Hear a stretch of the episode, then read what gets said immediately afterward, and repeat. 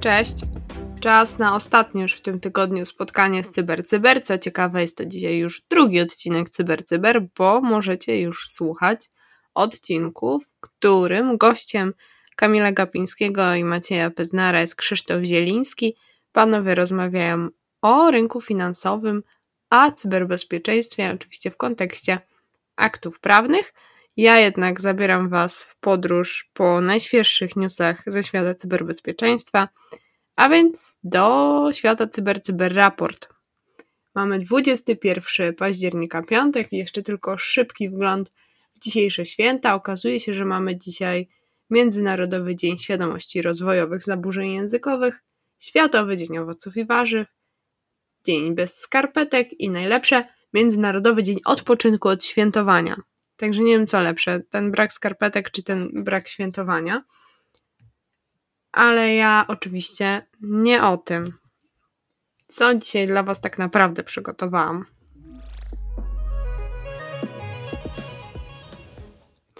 URSNIF zostawia za sobą oszustwa bankowe.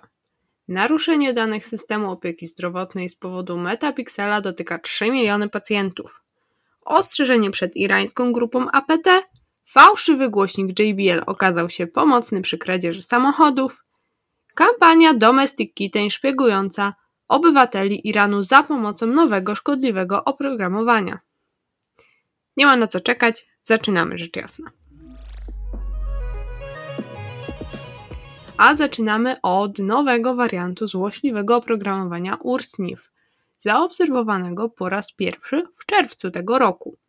I okazuje się, że ten malware nie jest już przeznaczony wyłącznie do kradzieży w instytucjach finansowych, ale Mandiant, donosi, że jest to ogólny backdoor, który mógł zostać celowo stworzony, aby umożliwić operacje takie jak np. oprogramowanie ransomware czy wyłudzenie danych. Jest to znaczące odejście od pierwotnego celu tego złośliwego oprogramowania, jakim było, jak już wspominałam, umożliwienie oszustw bankowych. Ursnif jest jednym z najstarszych wciąż aktywnych rodzin szkodliwego oprogramowania bankowego. Samo to, sam ten malware przeszedł już wiele zmian, w sieci krąży też wiele jego wersji, tym bardziej, że dwukrotnie wyciekł jego kod źródłowy. Mandiant po raz pierwszy zaobserwował najnowszą kampanię 23 czerwca, i przynętą była tu rekrutacja. Wiadomość e-mail zawierała łącze do zhakowanej witryny internetowej, która przekierowywała do domeny podszywającej się pod legalną firmę. Jedną z najbardziej zauważalnych rzeczy podczas analizy było to, że programiści uprościli i oczyścili różne części kodu w porównaniu właśnie z poprzednimi wariantami. Przede wszystkim na przykład zlikwidowano jego funkcje bankowe i to wskazuje na to, że drastycznie obserwujemy drastyczną zmianę w obserwowanych wcześniej technikach, taktykach, procedurach. Teraz przenosimy się do tematów zdrowotnych, można powiedzieć, bo 26-szpitalny system opieki zdrowotnej w Wisconsin, Illinois powiadamia swoich pacjentów o naruszeniu danych i tutaj okazuje się, że ujawniono dane osobowe aż 3 milionów pacjentów. Incydent został spowodowany niewłaściwym użyciem metapixela na stronach internetowych, na których pacjenci logują się i wprowadzają wrażliwe dane osobowe i medyczne.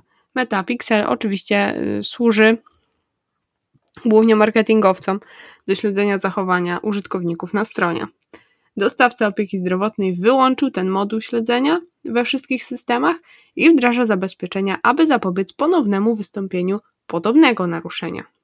W swoim powiadomieniu jednak mówi, że mógł wyciec takie informacje jak adresa IP, daty, godziny i miejsce zaplanowanych spotkań, bliskość lokalizacja, lokalizacji, mm, informacje o dostawcy usług medycznych, rodzaj wizyty lub zabiegu, albo na przykład informacja ubezpieczeniowa.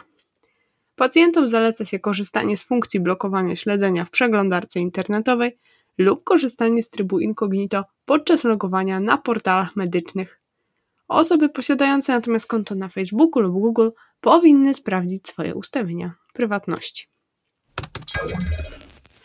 A teraz takie ogłoszenie, że można zarobić. bo jeden z departamentów USA oferuje nagrodę w wysokości aż do 10 milionów dolarów za informację o każdej osobie, która działając pod kierownictwem lub pod kontrolą obcego rządu ingeruje w wybory w USA. Dokładniej, Departament poszukuje informacji na temat dwóch irańskich cyberprzestępców, którzy uczestniczyli w sponsorowanej przez państwo operacji, która miała na celu ingerencję w wybory prezydenckie w 2020 roku w USA. Ta operacja trwała co najmniej od sierpnia do listopada 2020 roku. Pierwszy z poszukiwanych mężczyzn pomógł przeprowadzić kampanię zastraszania i wywierania wpływu na wyborców, kompromitując, kompromitując serwery, które były wykorzystywane do wysyłania e-maili z pogróżkami, również przygotowując te e-maile oraz kompromitując konta e-mail amerykańskiej firmy medialnej. Drugi natomiast zarządzał infrastrukturą sieci komputerowej, która była wykorzystywana do przeprowadzenia tej kampanii oraz dążył do zakupu kont w mediach społecznościowych w celu wspierania kampanii, zastraszania i wywierania wpływu na wyborców. A teraz ciekawa sprawa, bo dwóch złodziei samochodów zostało zatrzymanych we Francji w zeszłym tygodniu za kradzież samochodów Lexus i Toyota za pomocą urządzenia szybkiego uruchamiania elektronicznego klucza ukrytego, uwaga, w przenośnym głośniku JBL. Właściciele samochodów marki Lexus i Toyota zakupionych w latach 2016-2021 powinni być ostrożni. Niemniej tutaj taka moja uwaga, że chyba nikt z nas nie może się czuć tak w pełni bezpiecznie. I czujność powinni zachować generalnie właściciele samochodów, szczególnie nowszych. Na przykład, czy widzieliście już takie małe urządzonko, które może no, w zasadzie kupić każdy z nas, które potrafi otworzyć klapkę ładowania Tesli. Z jednej strony można sobie pomyśleć, ale to tylko klapka. No ale z drugiej strony widziałam już próbę implementacji Key Emulation na właśnie Flipperze Zero. Tutaj natomiast do kradzieży posłużyła inwestycja 5000 euro w klucz elektroniczny szybkiego startu, który był właśnie ukryty w głośniku. Na YouTubie można znaleźć samouczek, jak w mniej niż 40 sekund, podłączając go do komputera pokładowego, auto odpala. Sprawa jest całkiem poważna, bo coraz częściej słyszy się o atakach na systemy bezkluczykowe, co ma związek oczywiście z dużą popularnością tego rozwiązania.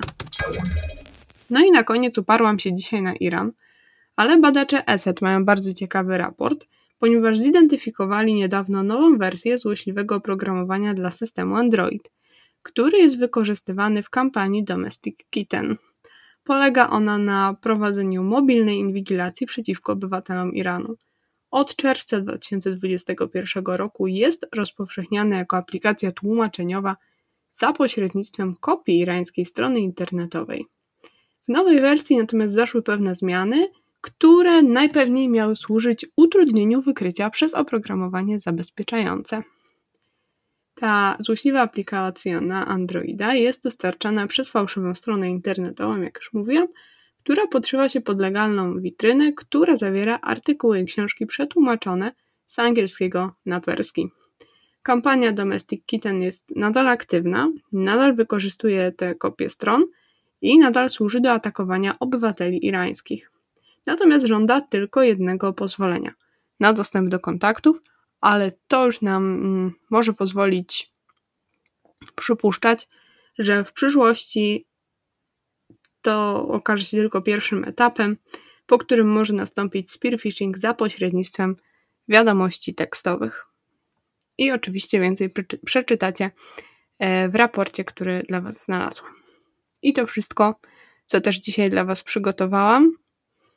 Zachęcam oczywiście do przesłuchania 270 odcinka mm, z gościem specjalnym. Ja się już z Wami żegnam i życzę Wam bardzo miłego weekendu. Może znowu będzie słoneczny, mimo że prognozy nie zapowiadają. Zobaczymy. A my się słyszymy za tydzień. Do usłyszenia.